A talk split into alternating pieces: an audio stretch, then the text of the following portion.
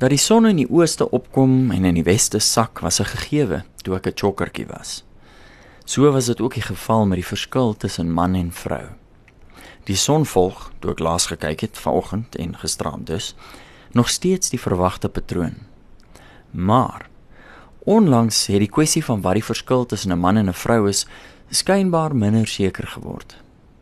Wat ek wel agterkom, is dat diegene wat klou aan die ouer definisies, geneig is om saam te stem onder stel definisies wat as konsensus beskryf kan word, terwyl die aanhangers en propageerders van die nuwe definisies nog nie eenparige en of koherente definisies het nie waar die nuwe denkers wel ooreenstem, is in hulle oortuiging dat die ou denkers moet afsien van hulle ou denke en solank 'n stroom in die nuwe denkrigting moet volg tot tyd en wyl die nuwe denke konsensus bereik.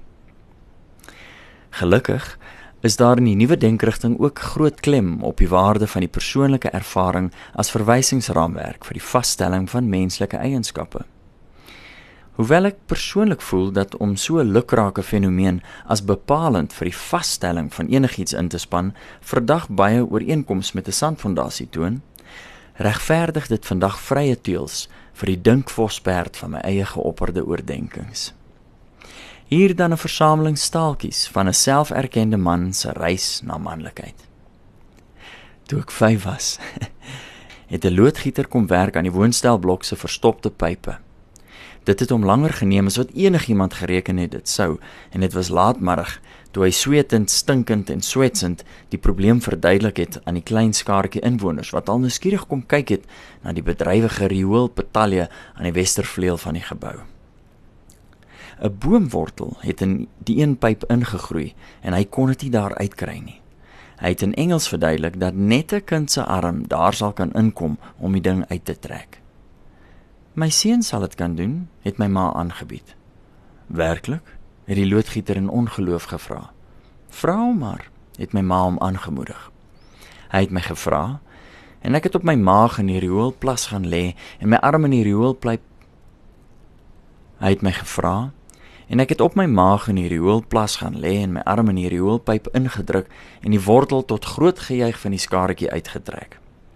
My ma het my daarna deeglik gewas en daar was my geen kwade nagevolge nie. My sussie en die bure se dogter, ook kinders, was ook bly en ek het vir 'n week soos 'n held gevoel.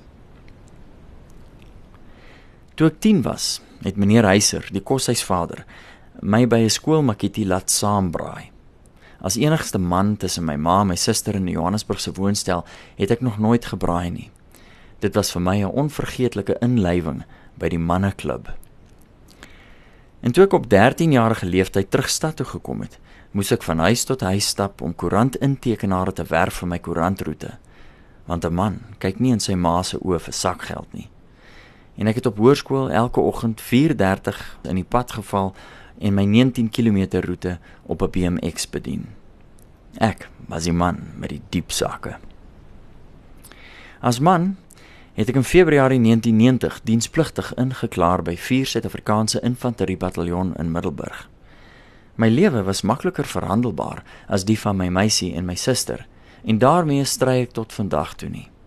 Want een man kan teoreties duisende vroue dek, maar 'n vrou kan by slegs een man op 'n slag 'n kind verwek haar groter waarde vir die voortbestaan van die menslike ras en die daaruit voortspruitende verantwoordelikheid vir haar beskerming is in enige paradigma steeds onaanvegbaar.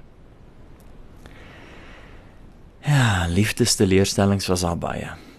Maar geen so treffend soos die een wat my op 27 jarige ouderdom getref het nie. Ek het seeretien uit ander manne se verhale agtergekom dat dit 'n verbasend konsekwente ouderdom is vir 'n hartverworwe ontwaking in persoonlike manlikheid. By vrouens merk ek 'n soortgelyke ontwaking op 23 jaar. Dis nie 'n goue reël nie, maar is merkwaardig konsekwent. In die geveg vir die behoud van my lewe, toe hulle my daardie nag in 2004 met messe in my bed in my huis toegetakel het, sou uit hoofde van die verskille tussen die skatte in ons lendene en die wrinkrag in ons pese voorsienbaar anders verloop het indien ek 'n vrou was of selfs 'n vrou by my in die bed gehad het. En na al hierdie staaltjies weet ek nog steeds nie wat 'n man is nie, maar ek weet dat die dogters wat ek verwek het my hoër eise aan mans laat stel as wat ek my ooit andersins eens kon voorstel. Ek weet ook dat my eie dogters my eendag mag verlaat en dat dit tans as 'n hartebreuk vir my in die vooruitsig staan omdat ek hulle liewer het as enige aster met wie ek ooit 'n liefdesteleurstelling beleef het en des te meer omdat ek weet dat ek daardie skeiding nie net gaan moet aanvaar nie maar ook met my hele wese gaan moet seën. Ten slotte die groot kruis. Ek weet dat ek as man die grootste diens aan my kinders kan bewys en die mees volkomme uitlewing van my manlike mandaat kan bereik deur die volste krag van toewyding tot my vrou.